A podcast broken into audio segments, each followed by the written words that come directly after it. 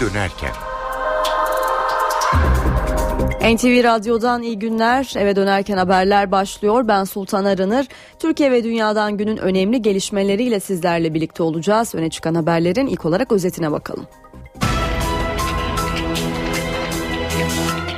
Siyasetin gündemi partilerin grup toplantılarında şekillendi. 1 Mayıs tartışması güne damgasını vurdu. Başbakan Erdoğan Taksim'e çıkmak isteyen işçi ve sendikalara ümidinizi kesin diye seslendi. CHP lideri Kemal Kılıçdaroğlu ile BDP eş başkanı Selahattin Demirtaş ise başbakanın açıklamalarına tepki gösterdi. İki lider işçi bayramı Taksim'de kutlanmalı dedi. Ağustos ayında yapılacak Cumhurbaşkanlığı seçimlerinin tartışması da siyaseti germiş durumda. Başbakan Cumhurbaşkanı Abdullah Gül'le konuyu değerlendireceklerini söyleyip nihai kararı millet verecek dedi. MHP lideri Devlet Bahçeli ise Erdoğan'ın Cumhurbaşkanı olamayacağını savundu. Tarım Bakanlığı 33 işletmeyi 42 üründe taklit ve karıştırma yaptığı gerekçesiyle teşhir etti. Firma adları ve ürün çeşitleri bakanlığın internet sitesinde ayrıntılı olarak yer aldı. Kurak geçen kış İstanbul'da Ömerli Barajı'nı vurdu. Sular çekilince 600 yıllık bir mezarlık ortaya çıktı. Orman ve Su İşleri Bakanı Veysel Eroğlu ise rahat olun dedi. Barajlarda doluluk oranı %50 diyen Eroğlu su sıkıntısı yaşanmayacağını söyledi. Ve Beşiktaş'ta futbolculara eğlencenin faturası ağır oldu. Yönetim bir gece kulübünde eğlenirken silahlı saldırıya uğrayan Gökhan Töre ile bu mekanda bulunan diğer 6 futbolcuya da para cezası verdi. Evet öne çıkan haberlerin satır başları böyle. Hemen ayrıntılara geçelim.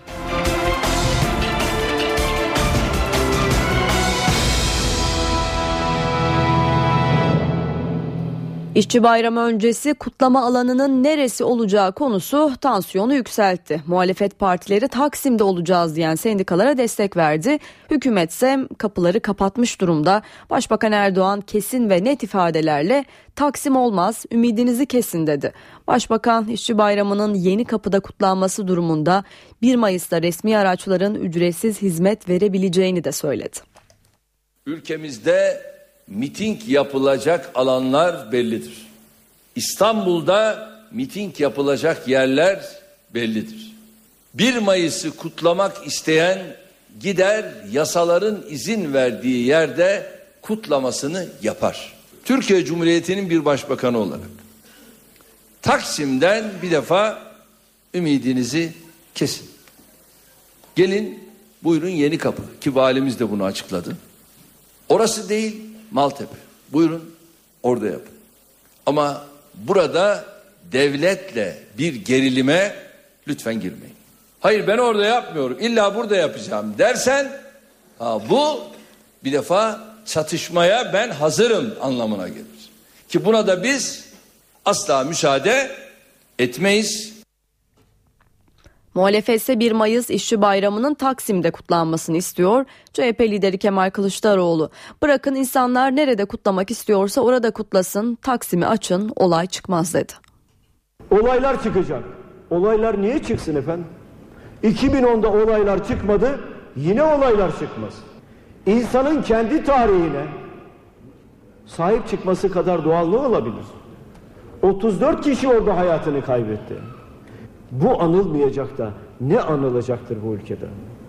O nedenle bizim çağrımız. Bırakın insanlar nerede istiyorlarsa bayramlarını kutlasınlar.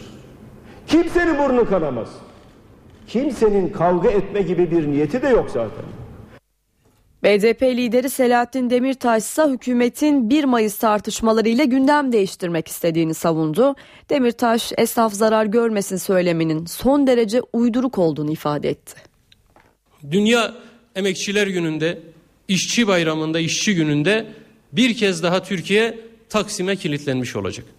Özellikle Taksim'in yasaklanması veya Taksim'e izin verilmesi mevzusu tabii ki önemli bir konudur. Fakat bütün sendikalardan, bütün emekçi kardeşlerimden özellikle rica ediyorum. Türkiye'deki emek sorununun işçi meselesini, işsizlerin sorununun temel başlığı Taksim değildir. Hükümet özellikle yasaklayarak, engel çıkararak işçilerin asıl sorunlarını, ana gündemlerini gündem dışına itip Taksim mi, Taksim değil mi tartışmasını 1 Mayıs boyunca sürdürmeyi kendisi açısından bir kazanç olarak görüyor. Esnaf zarar görmesin gerekçesi son derece uyduruk bir gerekçedir. Yeni Kapı'da, Maltepe'de esnaf yok mu? Grup toplantılarına damga vuran 1 Mayıs tartışması ile ilgili İstanbul Valisi Hüseyin Avni Mutlu'dan da açıklama geldi. Vali Mutlu 1 Mayıs'ın Taksim Meydanı'nda kutlanması için kendilerine herhangi bir müracaat yapılmadığını söyledi. Mutlu yeni kapıyı işaret etti. Gerekli lojistik desteği sağlamaya hazırız dedi. Taksim'in e, yerine yeni kapıda yapılmış olan ve standartları fevkalade mükemmel olan yeni e, toplantı alanının kullanılabileceğini ilgili örgütlere, emek örgütlerine de ifade ettik. Dolayısıyla bu konuyla ilgili biz müracaatların olmasını bekliyoruz. Hala hazırda bir müracaat yok bize. 1 Mayıs'ta tekrar Taksim'de çelenk sunma ve kazancı yokuşundaki anmaların mutlaka yapılmasını Taksim'in ruhunun yaşatılması bakımından önemli görüyoruz. Yeni kapıya gidişte aslında herhangi bir problem yok. Şehrin rahatlıkla bütün ulaşım vasıtasıyla gidilebilecek bir alandır. Ama biz ayrıca şehrin her noktasından yakın uzak demeksizin her noktasından gerekli lojistik desteği de sağlayarak arzu edildiği takdirde işçilerimizi, kardeşlerimizi bu bayrama katılımları konusunda da desteklemeye ve desteklerin her türünü de vermeye hazırız. Şu anda 1 Mayıs'ta Türk İş'in talebi doğrultusunda bizim Maltepe dememiz mümkün olamayacak. Çünkü Maltepe bitmiş değil ama e, Kadıköy bir miting alanı olması nedeniyle Kadıköy'deki taleplerine de uygun cevap verdik. Grup toplantılarının bir diğer önemli başlığı Ağustos ayında yapılacak Cumhurbaşkanlığı seçimleriydi. Adaylık konusunda adı geçen isimlerin başında Başbakan Erdoğan geliyor. Erdoğan istişarelere devam edeceklerini söyledi. Cumhurbaşkanlığı çantada keklik değil dedi ve muhalefete yüklendi. Başbakan konuşmasında Gülen cemaatini de eleştirdi. Bunların elinde şantaj kasetleri var dedi Başbakan. Düşman bile bu kadar şerefsizlik yapmaz ifadelerini kullandı. Bunların elinde şantaj kasetleri var. Bu devletin en tepesinden en aşağısına kadar. Kaç kere söyledim. Cumhurbaşkanının da şantaj kaseti bunlarda var. Benim de vardı. Genelkurmay Başkanı. Ama ben diyorum ki benimle ilgili varsa çıkın açıklayın diyorum. Açıklamazsanız namertsiniz diyorum. Başbakan Recep Tayyip Erdoğan, cemaati devletin zirvesindeki isimlerle ilgili kaset hazırlamakla suçladı, sert eleştirilerini sürdürdü. Şahsımla alakalı aradıklarını bulamadılar, bulamayacaklar. Benim bakanlarımla yaptığım görüşmeleri ancak verebildiler. Veya eşimle çocuğumla yaptıklarını verebildiler. Veremeyecekler. Grup toplantısının gündem maddelerinden biri de Cumhurbaşkanı seçimiydi. Cumhurbaşkanlığı bu noktada böyle hakikaten çantada keklik bir olay değil. Millete gidilecek. Aday kim olursa olsun. Nihai kararı kim verecek? Millet verecek. E nedir bu telaşınız o zaman? Başbakan kaos beklemeyin mesajı verdi, muhalefete yüklendi. Kaos bekleyenler hiç kuşkunuz olmasın hayal kırıklığı yaşayacaklar. MHP'nin genel başkanı bu işe diyor iki kişi karar veremez. E sen mi vereceksin kararı ya? Bu arada da biz Cumhurbaşkanımızla da böyle bir konuyu açık net değerlendiririz. Ve ondan sonra da bunun kararını kim verecek nihai kararını? Millet verecek. Ya bu kadar siyasetin acemisi bir çırak bu. Bu işlerden anlamıyor. CHP lideri Kemal Kılıçdaroğlu ise bugünkü grup toplantısında Cumhurbaşkanlığı seçimi tartışmalarına değinmedi. Kılıçdaroğlu'nun gündeminde 17 Aralık operasyonu ve iş adamı Rıza Zarrab'ın açıklamaları vardı. Zarrab ülkenin değil bakanların cari açığını kapattı diyen CHP lideri hükümete Zarrab'ın heykelini dikmesini önerdi. Kılıçdaroğlu Yalova seçimlerinin iptal edilmesine de tepki gösterdi. Cumhuriyet tarihinin en şaibeli seçimlerinden birisi gerçekleşti. Başbakanlık koltuğunda oturan zat bir açıklama yaptı. İnşallah dedi önümüzdeki günlerde Yalova seçimleri de iptal edilecek. CHP lideri Kemal Kılıçdaroğlu'na göre Yüksek Seçim Kurulu'nun Yalova seçimlerini iptal eden kararı siyasi. Kararın sorumlusu da Başbakan Recep Tayyip Erdoğan. İptal edileceğini önceden bilip ilan ediyorsanız, arkadan Yüksek Seçim Kurulu bunu onaylıyorsa, bu seçimin güvenliği her yerde tartışılır. Ama ben Yalovalılara güveniyorum. Partisinin grup toplantısında konuşan CHP liderinin gündeminde 17 Aralık operasyonu da vardı. Soruşturma kapsamında tutuksuz yargılanan Rıza Sarraf'ın açıklamalarına tepki gösterdi. Bence bakanların cari açığını kapatmıştır. Zaten yeni rüşvetin adı cari açığı kapatma. CHP Genel Başkanı Anayasa Mahkemesi'nin balyoz davası hükümlüsü 235 askerin yaptıkları bireysel başvuru dosyaları ile ilgili kararı bir an önce vermesini istedi. 6 aydır bekliyorlar, geç gelen adalet adalet değildir dedi. Kılıçdaroğlu'na yönelik yumruklu saldırının ardından bu hafta partinin grup toplantısına randevulu giriş sistemi de başlatıldı. MHP Genel Başkanı Devlet Bahçeli de grup konuşmasının büyük bölümünü Cumhurbaşkanlığı seçimi tartışmalarına ayırdı. Bahçeli Başbakanı sert sözlerle eleştirdi. Erdoğan'a Cumhurbaşkanı olamayacaksın diye seslendi. MHP liderine göre bu süreçte Cumhurbaşkanı Abdullah Gül de devre dışı bırakıldı. Başbakan boş yere hayal kurmakta, kendisini boşu boşuna meşgul etmektedir. Zira 12. Cumhurbaşkanı Recep Tayyip Erdoğan olmayacaktır. MHP lideri Devlet Bahçeli grup toplantısında Cumhurbaşkanlığı seçimi tartışmalarını değerlendirdi. Başbakan Recep Tayyip Erdoğan'ı eleştirdi. Recep Tayyip Erdoğan'dan eş başkan olur ve olmuştur. Belediye başkanı olur ve olmuştur. Maalesef ki başbakan da olur ve olmuştur. Ne var ki Cumhurbaşkanı olamaz ve olmamalıdır. Bahçeli köşk tartışmasında Cumhurbaşkanı Abdullah Gül'ün devre dışı bırakıldığını iddia etti. Başbakan kardeşine oyun oynamakta, ayağına çel takmakta, önüne takoz koymakta, kenara çekmek ve minderde tuş etmek için son kozlarını gözden geçirmektedir. Sayın Abdullah Gül devre dışı bırakılmış, Tufa'ya gelerek kardeş kazığı yemiş ve meşgule alınmıştır. Bahçeli, MHP'nin kendi adayını günü geldiğinde millete takdim edeceğini söyledi. Dar bölge sistemi tartışmaları ile ilgili yorum yapmadı. HDP'ye katılım kararı alınmasının ardından BDP grubu bu hafta son kez toplandı ve son konuşmayı da eş başkan Selahattin Demirtaş yaptı. Demirtaş'ın gündeminde Cumhurbaşkanlığı seçimi ve çözüm süreci vardı. Hiç kimse kendini şimdiden Çankaya hayallerine kaptırmasın. Barış ve Demokrasi Partisi'nde de gündem Cumhurbaşkanı seçimiydi. BDP eş genel başkanı Selahattin Demirtaş, Başbakan Recep Tayyip Erdoğan'a seslendi. O Cumhurbaşkanlığı koltuğunu hayal ediyorsan bu hayallerin öyle kolay da gerçekleşmeyecek. Çantada keklik olmadığını bileceksin. Çankaya yollarının öyle düz olmadığını göreceksin. Demirtaş, dar bölge seçim sistemi tartışmalarını da değerlendirdi. Baraj kaldırılsın çağrısı yaptı. Madem ki yüzde 45-50 oyun var, o halde barajı bu haliyle sıfırlayalım. Bir bakalım sonuç ne olacak? İnanın ki AKP yarı yarıya güç kaybedecek. Demirtaş'ın gündeminde haftaya yapılacak İmralı ziyareti de vardı. BDP eş başkanı 40 günden bu yana Öcalan'la görüşülmediğini hatırlattı. Madem ki hükümet bu süreci tek taraflı yürütme açısından bir kaygı duymuyor.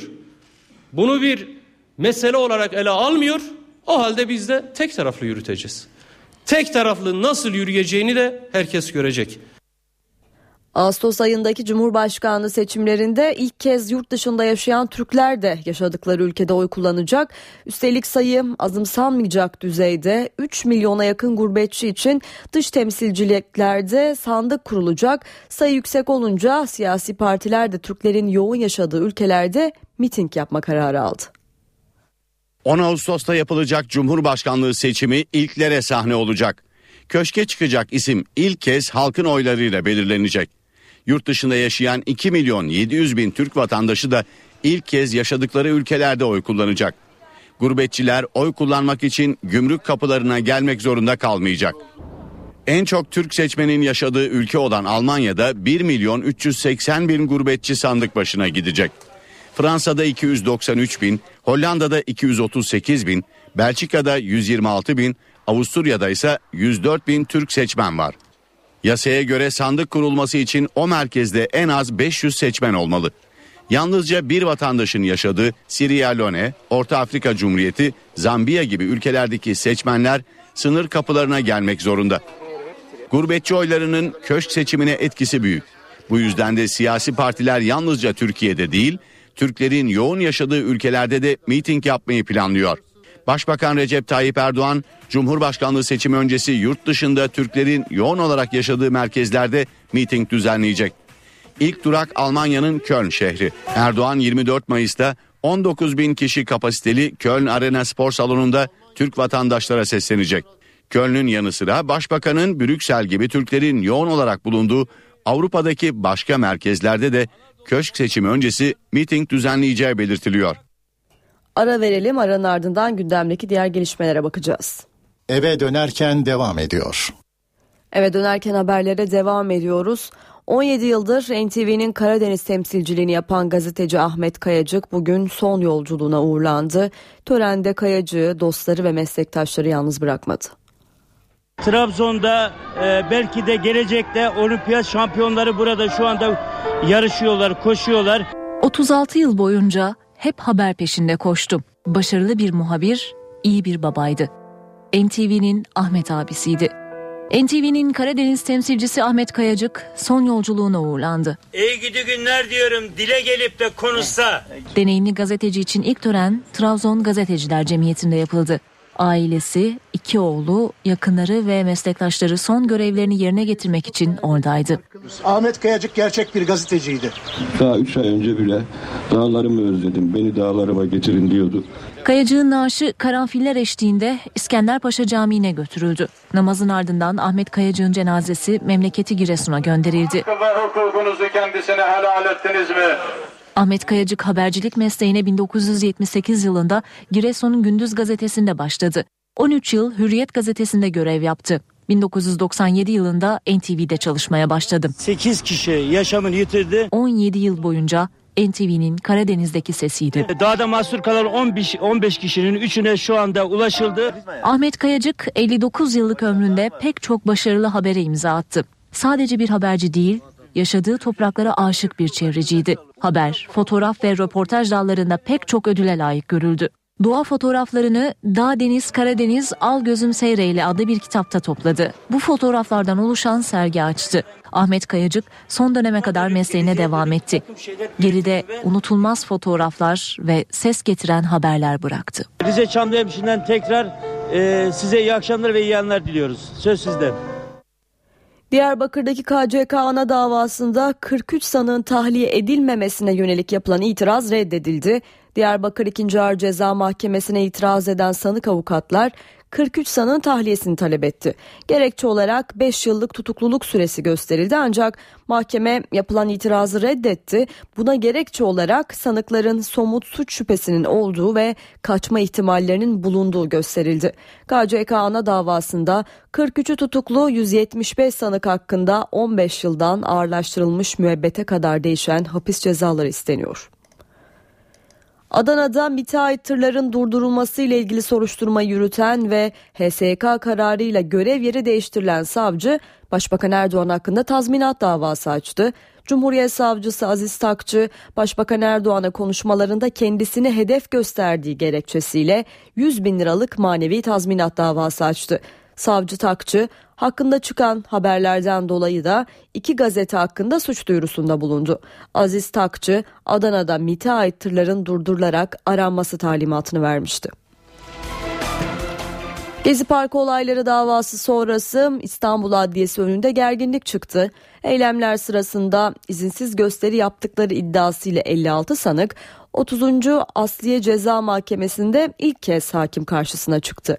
4 saat süren duruşmanın ardından sanıkların da aralarında bulunduğu bir grup adliyenin karşısındaki merdivenlerde basın açıklaması yapmak istedi. Ancak polis izin vermedi. Uyarıya rağmen merdivenlerde açıklama yapmak isteyen gruba polis müdahale etti. Çevik kuvvet eylemcileri kalkanlarla iterek adliye bahçesinden dışarı çıkardı. Sanık avukatları polisler hakkında suç duyurusunda bulundu. İstanbul Beyoğlu'nda bir transseksüel evinde uğradığı silahlı saldırı sonucu hayatını kaybetti. Transseksüeller olayın meydana geldiği sokakta eylem yaptı. İstanbul'da yine bir transseksüel cinayeti işlendi. Beyoğlu Daracık sokakta iki transseksüel kaldıkları evde iki kişinin silahlı saldırısına uğradı. 21 yaşındaki Çağla olay yerinde hayatını kaybetti. Arkadaşı yaralandı. Herkesi bir kapatın. Saldırıya uğrayan transseksüellerin arkadaşları cinayetin işlendiği sokakta eylem düzenledi. Ceset torbasını bize biz kendimiz açtık, kendimiz koyduk. Sadece ceset torbasını attılar oraya. İnşallah da bu son olur yani. Tekrar bir trans cinayeti görmek istemiyoruz artık. Travestiyiz. Eylemciler transseksüel cinayetlerin nefret suçları kapsamına alınmasını istedi. Olayla ilgili soruşturma başlatan polis zanlıları arıyor. İstanbul'da Boğazlar'daki son trafik durumunu aktaracağız sizlere.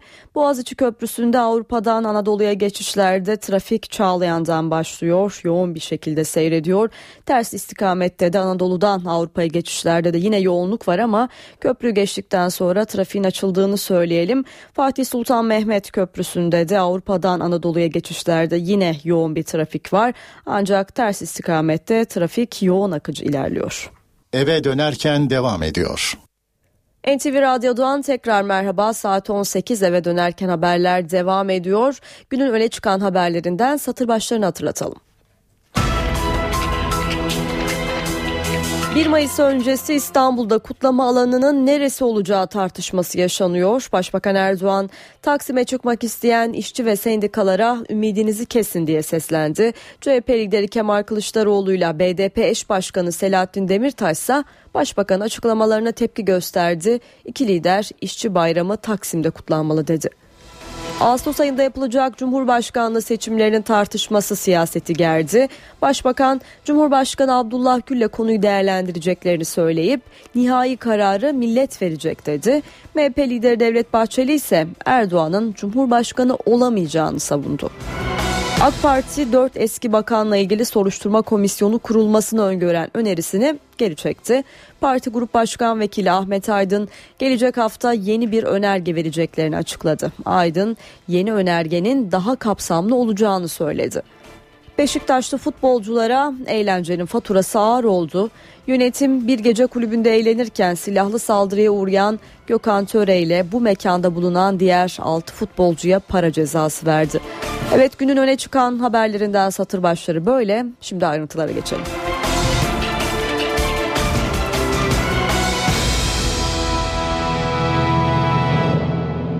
İşçi bayramı öncesi kutlama alanının neresi olacağı konusu tansiyonu yükseltti. Muhalefet partileri Taksim'de olacağız diyen sendikalara destek verdi. Hükümetse kapıları kapattı. Başbakan Erdoğan kesin ve net ifadelerle Taksim olmaz ümidinizi kesin dedi. Muhalefet buna tepkili. CHP lideri Kemal Kılıçdaroğlu Taksim'i açın olay çıkmaz diye konuştu.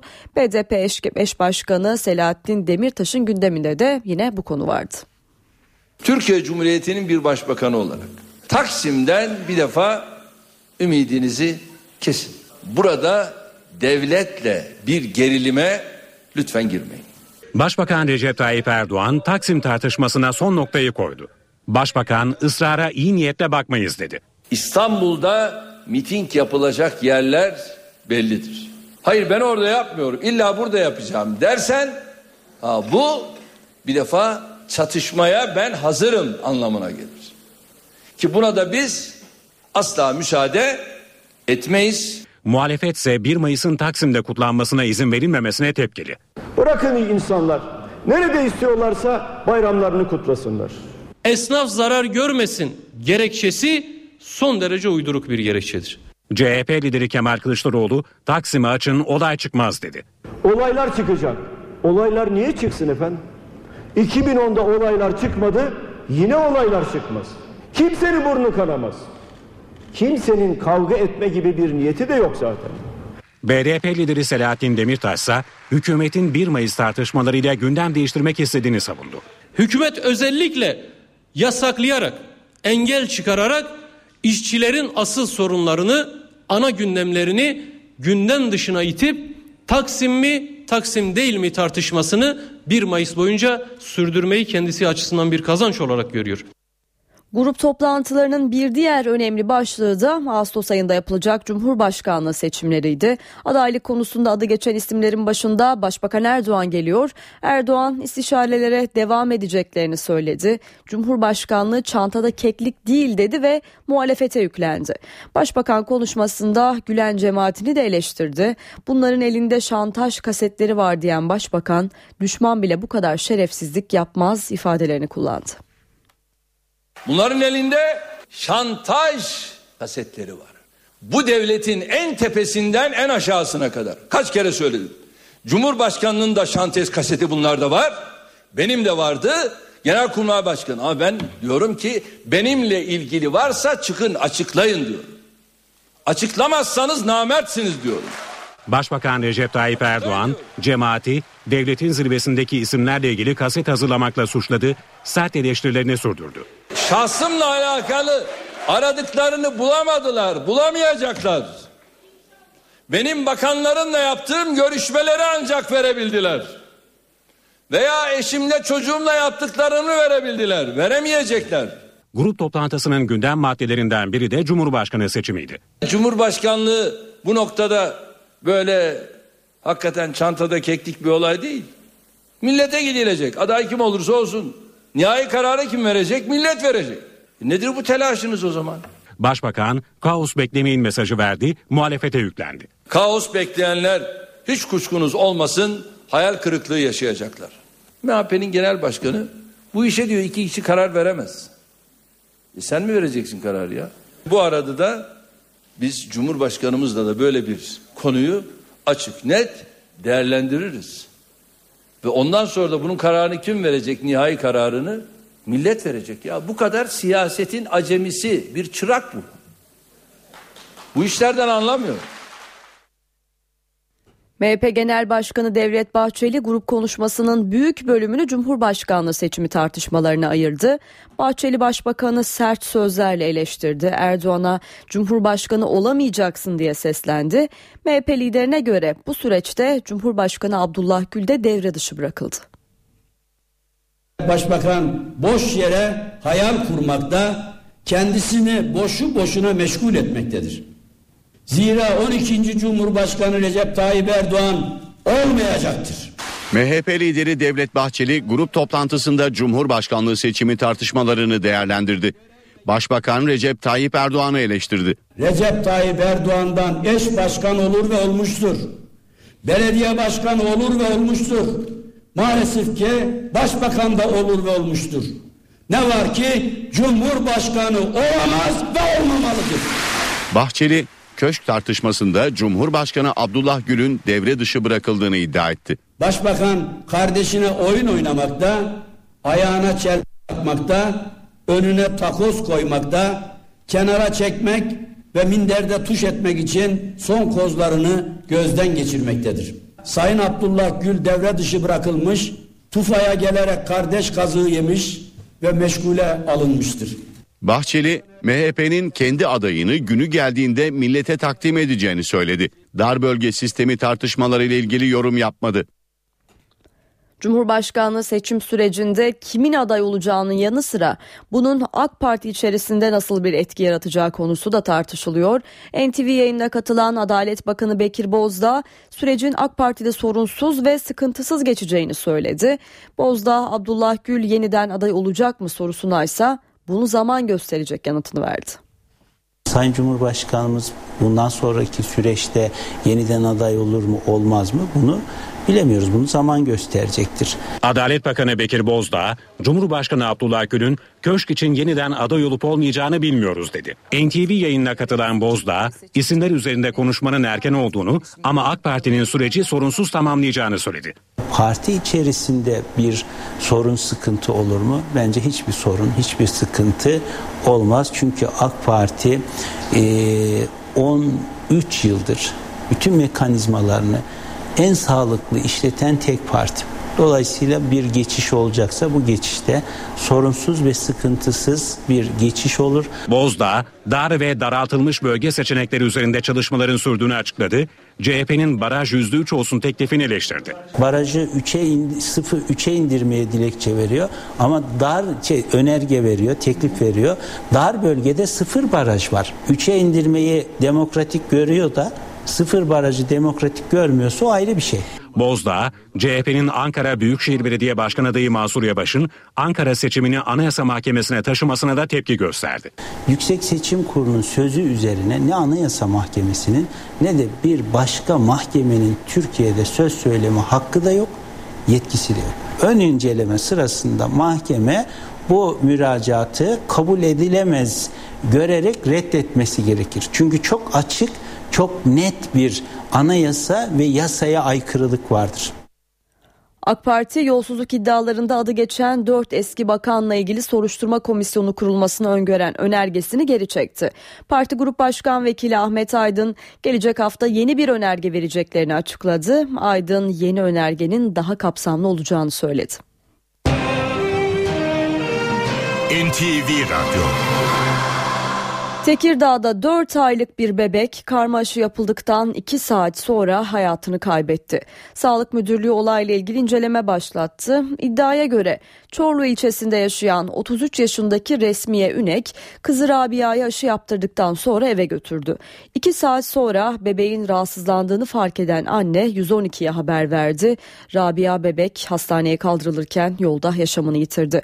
Bebek otopsi için adli tıpa gönderildi. Çorlu Sağlık Müdürlüğü bebeğin ölümünün aşıdan kaynaklanmadığını ancak konuyla ilgili inceleme başlatıldığını açıkladı.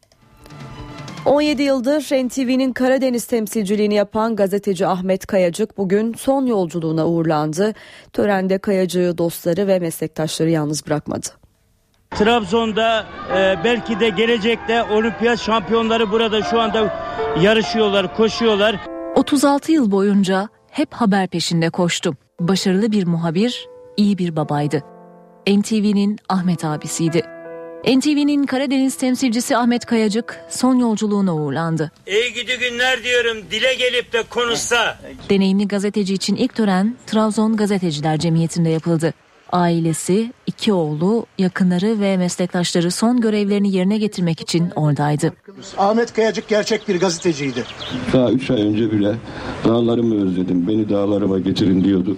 Kayacığın naaşı karanfiller eşliğinde İskenderpaşa Camii'ne götürüldü. Namazın ardından Ahmet Kayacığın cenazesi memleketi Giresun'a gönderildi. Ve hukukunuzu kendisine helal ettiniz mi? Ahmet Kayacık habercilik mesleğine 1978 yılında Giresun'un Gündüz gazetesinde başladı. 13 yıl Hürriyet gazetesinde görev yaptı. 1997 yılında NTV'de çalışmaya başladı. 8 kişi yaşamını yitirdi. 17 yıl boyunca NTV'nin Karadeniz'deki sesiydi. Dağda mahsur kalan 15, 15 kişinin üçüne şu anda ulaşıldı. Ahmet Kayacık 59 yıllık ömründe pek çok başarılı habere imza attı. Sadece bir haberci değil, yaşadığı topraklara aşık bir çevreciydi. Haber, fotoğraf ve röportaj dallarında pek çok ödüle layık görüldü. Doğa fotoğraflarını Dağ Deniz Karadeniz Al Gözüm Seyreyle adlı bir kitapta topladı. Bu fotoğraflardan oluşan sergi açtı. Ahmet Kayacık son döneme kadar mesleğine devam etti. Geride unutulmaz fotoğraflar ve ses getiren haberler bıraktı. Rize Çamlıhemşin'den tekrar e, size iyi akşamlar ve iyi yanlar diliyoruz. Söz sizde. Sanatçı Nejat İşler aylar süren tedavisinin ardından bugün taburcu edildi. Nejat İşler 17 Ocak'ta Bodrum'da rahatsızlanmış ve hastanede tedavi altına alınmıştı. Ağır bir enfeksiyon rahatsızlığı geçiren İşler'in tedavisi İstanbul'da sürmüştü. Her geçen gün durumu iyiye giden İşler ayakta tedavi edilebilecek duruma gelince bugün taburcu edildi. NTV Radyo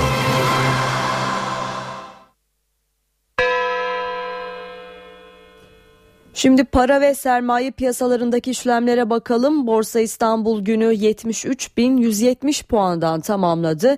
Serbest piyasada dolar 2 lira 14 kuruş, euro ise 2 lira 95 kuruştan işlem gördü ve kapalı çarşıda Cumhuriyet altını 597, çeyrek altınsa 144 liradan satıldı.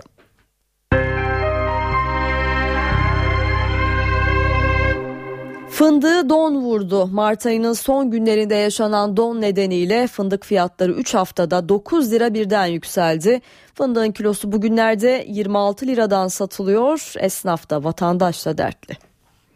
Fındık şu an rekorda. Çok yükseliş var. Yani son 3 haftada diyebiliriz ki satışımız 17 liradan 26 liraya çıktı. 9 lira yükseldi. Doğu Karadeniz'deki don fındık fiyatlarını vurdu. Fındığın raftaki kilogram fiyatı 32 liraya kadar çıktı. 26 liradan başlıyor şu anda bugün itibarıyla. Satış fiyatlarımız 32 liraya kadar çıkıyor. Satışlar düştü. 26 liraya sattığımız fındık 30'u bulabilir. Bu çifte kavrulmuştur 32 liraya.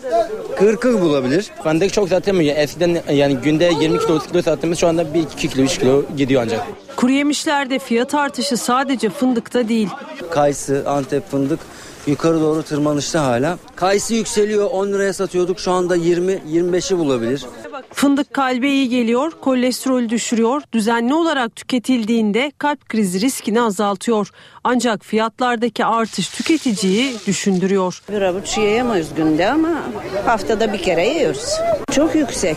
Fındıkta artış var evet. Bayağı bir yükselme var. Şu an almayı düşünmüyorum. Biraz yüksek. Kalamam herhalde. Lokum alacağım. Niyetim öyle. Fındığın yükselen fiyatından memnun olanlar da var. Giresunlu damadım olduğu için fındık almıyorum. Almıyoruz. Pahalı değil mi? Yo bizim var zaten. Alıyoruz karışık. Ortaya karışık alıyoruz. Üretim aşamasını düşününce değer. Türkiye'nin gelişmekte olan ülkelere yaptığı yardımlar son yıllarda önemli artış gösterdi. Ekonomik İşbirliği ve Kalkınma Örgütü OECD'nin rakamlarına göre Türkiye 2013 yılında 3 milyar 300 milyon dolarlık yardım yaptı. Türkiye milli gelirinin %0,5'ini gelişmekte olan ülkelere yardım olarak aktardı.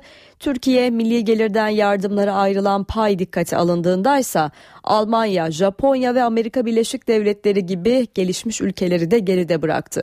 Bunda Türk İşbirliği ve Koordinasyon Ajansı TİKA'nın bütçesinde yapılan artış etkili oldu. Türkiye'nin Suriye'ye yaptığı yardımlar da rakamın artmasında rol oynadı. 2013'te dünyada en çok yardım yapan ülkelerin başındaysa Birleşik Arap Emirlikleri geldi. Ülke bir yılda 5 milyar dolar yardımda bulundu. Bu haberle birlikte şimdi kısa bir araya gidelim. Aranın ardından tekrar sizlerle olacağız. Eve dönerken devam ediyor. Eve dönerken haberlere devam ediyoruz. Yağış az olunca mega kent İstanbul'un barajlarında da su seviyesi azaldı. Ömerli Barajı'nda su seviyesi 30-40 metre çekilince barajın içinde yer alan tarihi bir mezarlık ortaya çıktı.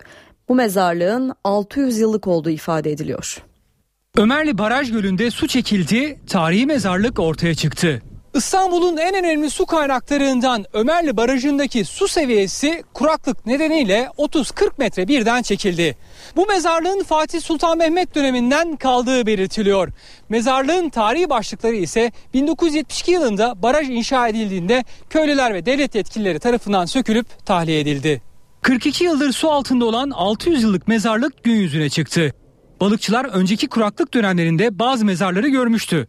Ancak bu yıl su mezarlığın üzerinden tamamen çekildi. Geçen sene şu gördüğünüz mezarlıkları su tamamen göremiyorduk. Yani tamamen su altındaydı. Mezarların üzerindeki yazılar çoktan silinmiş. Taşların üstü midye kabuklarıyla örtülü. Şu görmüş olduğunuz ağaçların dibine kadar su vardı. Şu anda burada 4 metre su ya var ya yok. İstanbul'un diğer barajlarında da durum kritik. Kentin su ihtiyacını karşılayan 10 barajın toplam doluluk oranı son 6 yılın en düşük seviyesini gördü. Son yağışlar barajlara 25 günlük su getirdi. İstanbul'un barajlarındaki su seviyesi %35 olarak ölçüldü. Geçen yılın Mart ayında ise barajların doluluk oranı %88'di. Kuraklık ve susuzluk konusu Orman ve Su İşleri Bakanı Veysel Eroğlu'na soruldu. Eroğlu su sıkıntı tehlike, tehlikesi yok dedi. Barajlarda doluluk oranının %50'nin üzerinde olduğunu söyledi. Efendim Sapanca'da zaten yeteri kadar su var. Kaldı ki Perşembe, Cuma günü yağış da geliyor. Yani herhangi bir problem yok. Şu anda Dicle Fırat Havzası'ndaki barajlarımızda %50'den fazla bir doluluk var zaten. Yani istediği kadar enerji üretebilir diye düşünüyorum. Yani bu yağışlar gelmezse eğer Nisan, Nisan ayında nitekim bir Doğu Anadolu'da da yağışlar, Nisan yağışları devam ediyor. Nisan Mayıs'ta normal yağışlar devam edeceğini tahmin ediyoruz. Ama bizde enerji barajlarında %50'den fazla şu anda su var. Kuraklığa rağmen suyumuz iyi. Nisan yağışlarından sonra Mayıs başında hem sulama için hem enerji için hem de, şehirlerin içme suyu için tekrar bir, bir değerlendirme yapacağız Mayıs başında. O zaman size çok daha detaylı bilgi veririz. Ama bizim bütün arzumuz e, susuz hiçbir şehri susuz bırakmamak, sulama suyunu yeter kadar vermek, ayrıca enerjide e, istenilen seviyede üretim sağlamak. Kurak geçen bir kışın ardından bahar ayı da az yağışlı geçiyor. Şimdi yurt geneli için hava tahminlerini alalım. NTV Meteoroloji Editörü Duygu Bayhan'ı dinliyoruz. Türkiye geneli 23 Nisan'ı yağışsız ve sıcak bir havada geçirecek. Batıda sıcaklıklar yer yer 27-28 dereceye kadar çıkıyor. Hatta Balıkesir Sakarya arasında ve Güney Ege'de Manisa Denizli dolaylarında 30 dereceyi görecek. Doğu kesimlerde de sıcaklıklar mevsim ortalamasının 5-6 derece üzerinde. Gökyüzünün durumuna gelince 23 Nisan'da batı ve iç kesimlerde çöl tozlarının gökyüzünü kaplamasıyla hava genellikle puslu ve bulutlu görünecek. Güneş çok kısa sürelerle yüzünü gösterecek. Doğu kesimlerde ise güneş daha bol. Üç büyük kentin hava durumuna gelince İstanbul yarın çoğunlukla bulutlu olacak. Güneş kısa süreli, sıcaklık ise yüksek 26 derece. Ankara'da yarın hava genellikle bulutlu, kısa süre güneşli, sıcaklık 25 derece. İzmir yarın parçalı bulutlu, çöl tozlarıyla hava puslu, sıcaklık çok yüksek 29 derece. Önümüzdeki günlerin hava durumuna gelince Perşembeden itibaren Türkiye'nin kuzey kesimlerinde sağanak yağmur başlayacak ve sonraki 4-5 gün devam edecek. Gıda Tarım ve Hayvancılık Bakanlığı 33 gıda işletmesinin 42 üründe taklit ve hile yaptığını belirledi. Et ürünlerinde at eti tespit edilirken baharatta ise boya bulundu. Taklit ve hile yap yaptığı belirlenen işletmeler ve ürünlerin parti numaraları bakanlığın internet sitesinde ayrıntılı olarak açıklandı. Burada en kritik soru taklit edilen ve hileli ürünlerin nasıl anlaşılacağı yani vatandaşın bu ürünlerin nasıl farkına varabileceği. Aslında bu kolay olmasa da bazı ayırt edici özellikler ürünün niteliği konusunda fikir veriyor. Tarım Bakanlığı Gıda Kontrol Genel Müdür Yardımcısı Ahmet Kavan önerilerini dinleyelim. Vatandaşlarımızdan bizim isteğimiz satın aldıkları gıdaları mutlak surette ambalajlı, etiketli ve adresi belli yerden almalarını istiyoruz. Özellikle bu bal ürünlerinin, bal e, olan arı ürünlerinin e, kargo üzerinden ya da ne bileyim sipariş vererek posta üzerinden almaları noktasında karşılaşacakları ürünün denetim ağı dışında olma riskini göz önüne al, almalarını hatırlatıyoruz ve satın aldıkları gıdalarda mutlaka bakanlığın kayıt ve onayını aramalarını istiyoruz. Ve hangi ürünü satın alıyorlarsa et ürünleri, süt ürünleri bu ürünlerin satış yerlerindeki raflardaki özelliklerine dikkat etmelerini istiyoruz. Özellikle hayvansal ürünlerin soğuk zincirde satılıp satılmadığına, yine hayvansal ürünlerin son tüketim tarihlerine e, paketler üzerinde dikkat etmelerine vatandaşlarımıza hatırlatıyoruz ve yine e, güvenilir gıda olma noktasında tereddüt geçirdikleri zaman mutlaka Alo 174 gıda hattını aramalarını istiyoruz. Kıyma e, gibi e, ürünler alırken mutlaka kendi gözü önlerinde e, bu kıymanın hazırlanmasını istemelerini istiyoruz. Kamu denetçiliği artık çocuklara da hizmet verecek. 18 yaş altı çocuklar ve gençler artık kamu denetçiliği kurumuna internet üzerinden başvuru yapabilecek. Örneğin öğretmeni ya da doktoruyla sorun yaşayan çocuk internetten doğrudan kuruma ulaşabilecek.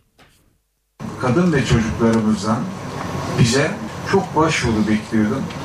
Fakat sükut hayale uğradım. İtirafı yapan isim kamu baş denetçisi Nihat Ömeroğlu. Çocukların başvurusunun azlığını fark eden kurum yeni bir adım attı.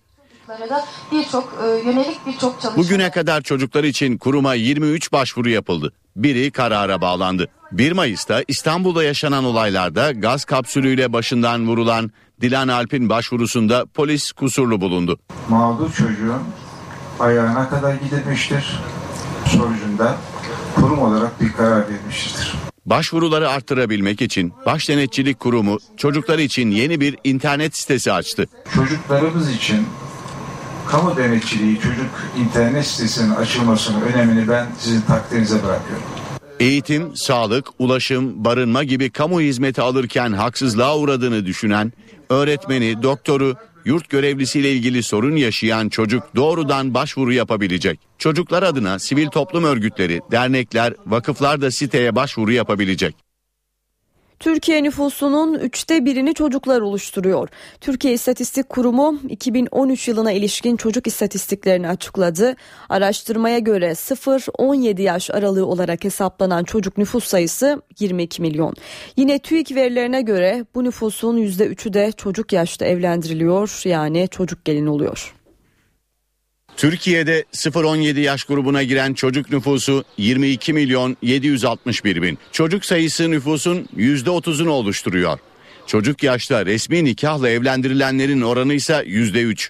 Türkiye İstatistik Kurumu 2013 yılı çocuk istatistiklerini açıkladı. Türkiye'de nüfusa göre en çok çocuk Şırnak'ta. Şırnak'ın %49'u çocuk. Şanlıurfa ve Ağrı ise Şırnak'ı takip etti. Çocuk nüfusunun en az olduğu illerse Tunceli, Edirne ve Çanakkale. Çocuk yaşta resmi nikahla evlendirilen kızların oranı %3 olarak hesaplandı. 16-17 yaş grubundaki bu kızların %70'i kendisinden daha büyük yaşta bir erkekle evlendi. 2013 yılında 1 milyon 283 bin doğum gerçekleşti. Doğanların %51.4'ünü erkek, %48.6'sını kız bebekler oluşturdu. Yeni doğan bebeklere konulan en popüler erkek ismi Yusuf, Berat ve Mustafa. En popüler 3 kız ismi ise Zeynep, Elif ve Ecrin oldu. Güneydoğu'da bir öğretmene 25 öğrenci düşüyor. Bu sayı Batı Karadeniz'de 15 öğrenci.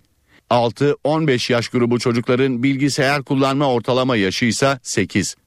İnternet kullanmaya başlama yaşı 9, cep telefonu kullanmaya başlama yaşı ise 10 olarak hesaplandı. Saatler 18.30'u gösteriyor. Öne çıkan haberlerin satır başlarını hatırlayalım. Siyasetin gündemi partilerin grup toplantılarında şekillendi. 1 Mayıs tartışması güne damgasını vurdu. Başbakan Erdoğan Taksim'e çıkmak isteyen işçi ve sendikalara ümidinizi kesin diye seslendi.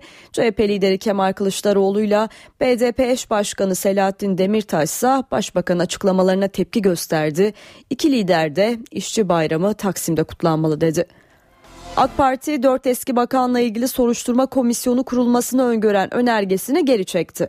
Parti Grup Başkan Vekili Ahmet Aydın gelecek hafta yeni bir önerge vereceklerini açıkladı. Aydın yeni önergenin daha kapsamlı olacağını söyledi. Enfeksiyon rahatsızlığı nedeniyle aylardır hastanede tedavi gören sanatçı Necdet İşler bugün taburcu edildi. Özetler böyle. Eve dönerken kısa bir aranın ardından devam edecek.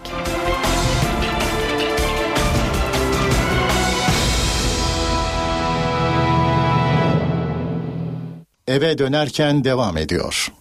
Eve dönerken haberlere devam ediyoruz. Ermeniler tarafından 1915 olaylarının yıl dönümü olarak kabul edilen 24 Nisan'da Amerikan Başkanı Barack Obama'nın yapacağı açıklama merak ediliyor.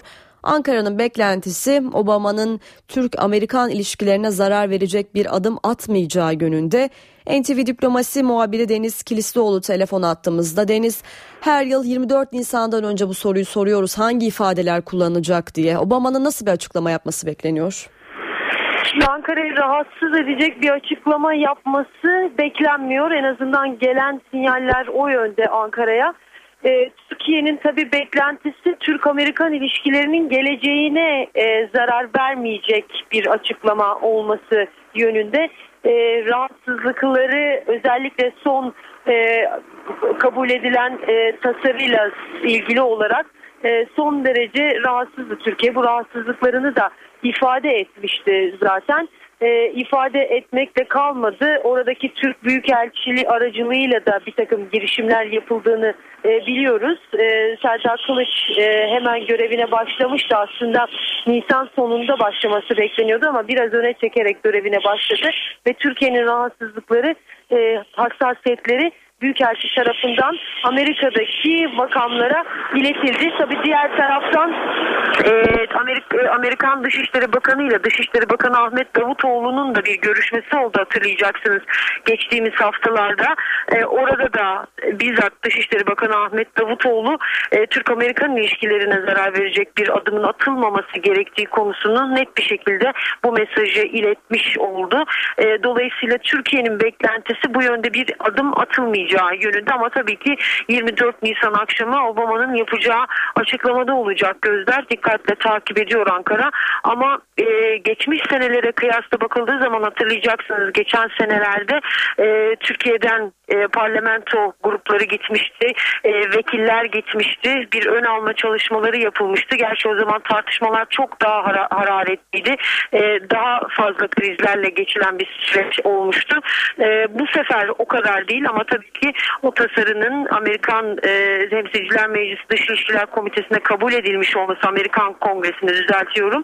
E, tabii Türkiye'yi rahatsız etti. Artık Türkiye e, bu süreçlerin önünün kesilmesini ve Obama'nın da ilişkileri etkilemeyecek bir e, açıklama yapmasını bekliyor. Gelen sinyallerde zaten e, o yönde ama nihai tabloyu tabii 24 Nisan akşamı göreceğiz.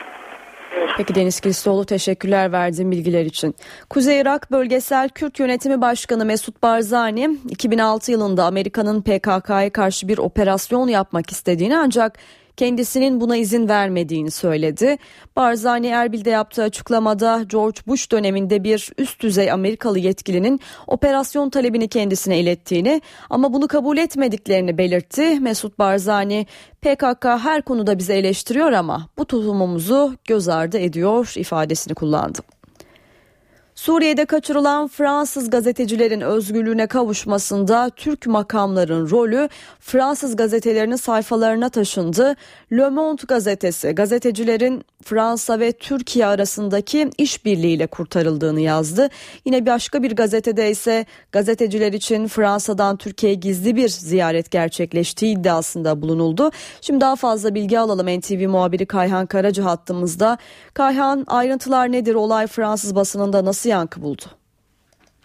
Evet e, Suriye'de 10 ay e, rehin kaldıktan sonra cumartesi günü e, Şanlıurfa'nın Akçakale ilçesi sınırında bulunan 4 Fransız gazetecinin nasıl ve hangi şartlarda serbest bırakıldıkları henüz aydınlanmış değil ancak Fransa'da basın Fransız gazetecilerin serbest bırakılmaları için Paris ile Ankara'nın sıkı işbirliği yürüttüklerini yazıyor, belirtiyor. Fransız basını Fransız gazetecilerin kaçırıldıktan hemen sonra Fransız Dış İstihbarat Birimi tarafından Suriye topraklarında takibe alındıklarını yani gazeteciler için aslında Suriye'de iz sürüldüğünü ve hiçbir zaman gözden kaçırılmadıklarını bildiriyor. Le Monde, Le Monde gazetesinde örneğin e, Fransız servislerinin dört gazeteci için İngiliz, İspanyol ve Amerikan istihbaratıyla yakın işbirliği kurduğu ancak gazetecilerin Türkiye'den çıkarılmasında gerçek işbirliğinin Türkiye ile yapıldığına dair e, bir haber var. Gazete adını vermediği kaynakların Türkiye'yi rehinelerin Suriye'den çıkarılması için ortak olarak tanımladıklarını belirtiyor. Bir diğer gazete e, Südwest gazetesi ise Fransa Savunma Bakanı Jean-Yves Le Drian'ın e, birkaç hafta önce gizlice sessiz sedasız Türkiye'ye geldiğini, Türk siyasi ve istihbarat makamlarıyla görüştüğünü ve bu görüşmeler sırasında Fransız gazetecilerin serbest bırakılış planlarının hazırlandığını aktarıyor. Gazetenin haberinde Fransız e, muhabirlerin e, hangi şartlarda ve nasıl serbest bırakıldıklarına dair ek bilgi yok. Fransız gazeteleri, gazeteleri ayrıca Fransız istihbaratının Suriye'deki elemanlarının gazetecileri rehin alan radikal dinci grupla doğrudan temasa geçtiklerini ve gazetecilerin hayatta olduklarına dair kendilerinden düzenli video görüntüsü aldıklarını da yazıyor edinilen görüntülerde gazetecilerin Guantanamo'dakine e, benzer e, turuncu renkli kombinezon giydiklerine dair e, ayrıntılar da var. Fransız gazeteciler pazar sabahı e, Türkiye'den özel bir uçakla Fransa'ya e, getirildiler. Kendilerini havalimanında e, Fransa Cumhurbaşkanı François Hollande karşıladı ve Hollande e, bu e, karşılama töreninde yaptığı konuşmada yardımlarından ötürü Türk resmi makamlarına özellikle teşekkür etmişti. Bunu da altını çizelim. Bu arada eski e, rehine Fransız gazeteciler Fransız medyasına yaptıkları açıklamalarda kendilerini rehin alanlardan bazılarının Fransızca konuştuğunu e, söylediler. Bu ifadeleri e, Fransa'da Suriye'ye e, Fransa'dan Suriye'ye radikal dinci grupların içinde savaşmaya giden Fransız gençler hakkındaki tartışmayı yeniden alevlendirmiş durumda Fransa'da. Fransız hükümeti bu konuda yarın 20 maddelik bir mücadele planı açıklayacak. Planda tek başlarına e, Fransa'dan çıkış yapacak reşit olmayan çocuklara valiliklerden özel izin belgesi alma zorunluluğunun da getirileceği e, belirtiliyor.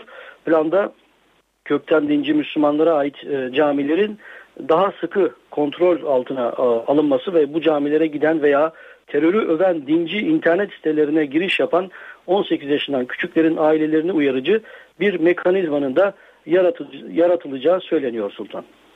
Kayhan Karaca teşekkürler. Kuzey Kıbrıs Türk Cumhuriyeti Cumhurbaşkanı Derviş Eroğlu Kıbrıs sorununun çözümü için New York'ta temaslarda bulunuyor. Eroğlu Birleşmiş Milletler Genel Sekreteri Ban Ki-moon'la görüştü. Çözüm için umutlu olduğunu söyledi. Kuzey Kıbrıs Türk Cumhuriyeti Cumhurbaşkanı Derviş Eroğlu bu yıl adada bir anlaşmaya varılacağından umutlu olduğunu söyledi. Derviş Eroğlu New York'ta Birleşmiş Milletler Genel Sekreteri Ban Ki-moon'la görüşerek müzakere sürecindeki gelişmeleri ele aldı. Kuzey Kıbrıs Türk Cumhuriyeti Cumhurbaşkanı Eroğlu yaklaşık 50 yıldır devam eden görüşmelerin bu yıl sonuçlanması gerektiğini vurguladı. Biz e, 50 yıla yakın bir süredir devam eden bu müzakerelerin bu yıl sonuna kadar bir anlaşmayla e, sonuçlanması ve her iki halkın referanduma sunulması beklentisi içerisindeyiz. Ban Ki-moon'un Kıbrıs dosyasını gündemin üst sıralarında tuttuğunu kaydeden Eroğlu, Genel Sekreterin her iki tarafı da teşvik edici düşünceleri olduğu ortaya çıkmıştır dedi. Kıbrıs'ta çözüme yönelik yeni müzakere süreci Şubat ayından bu yana devam ediyor. Bu haberle şimdilik veda edelim. Saat başında tekrar sizlerle olacağız.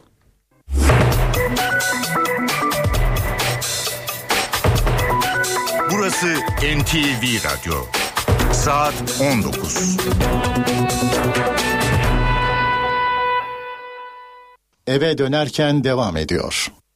Saat 19 eve dönerken haberlerde günün öne çıkan başlıklarını aktaracağız.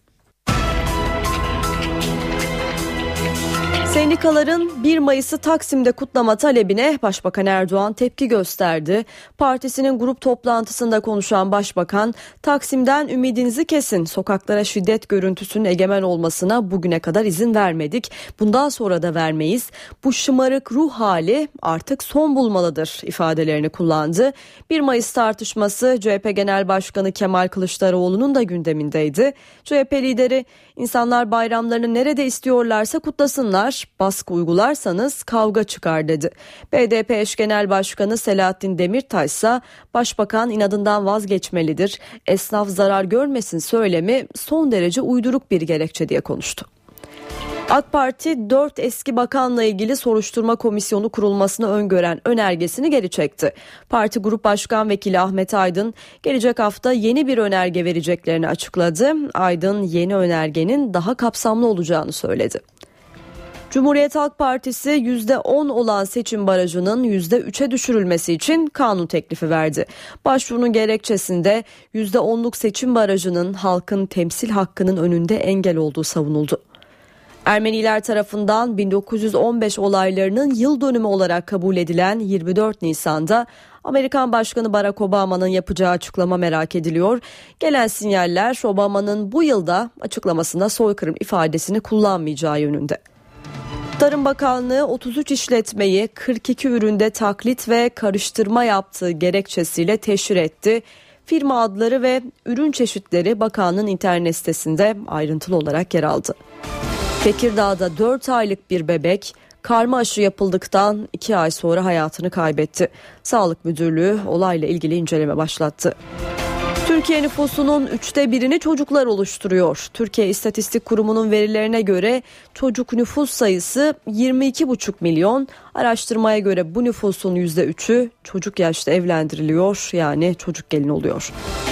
Kurak geçen kış İstanbul'da Ömerli Barajı'nı vurdu. Sular çekilince 600 yıllık bir mezarlık ortaya çıktı. Orman ve Su İşleri Bakanı Veysel Eroğlu ise rahat olun dedi. Barajlarda doluluk oranı %50 diyen Eroğlu su sıkıntısı yaşanmayacağını söyledi.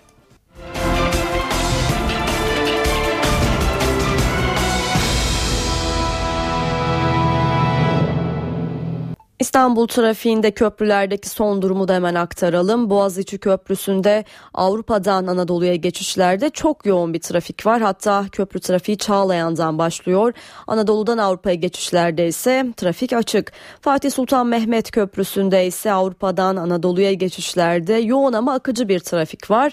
Ters istikamette Anadolu'dan Avrupa'ya geçişlerde ise köprü girişine kadar yoğunluk sürüyor. Daha sonra trafik açık. Eve dönerken haberleri noktalıyoruz. NTV Radyo'da kısa bir aranın ardından Cem Dizdar ve Gürcan Bilgiç Çift Forvet programı başlayacak. İyi akşamlar.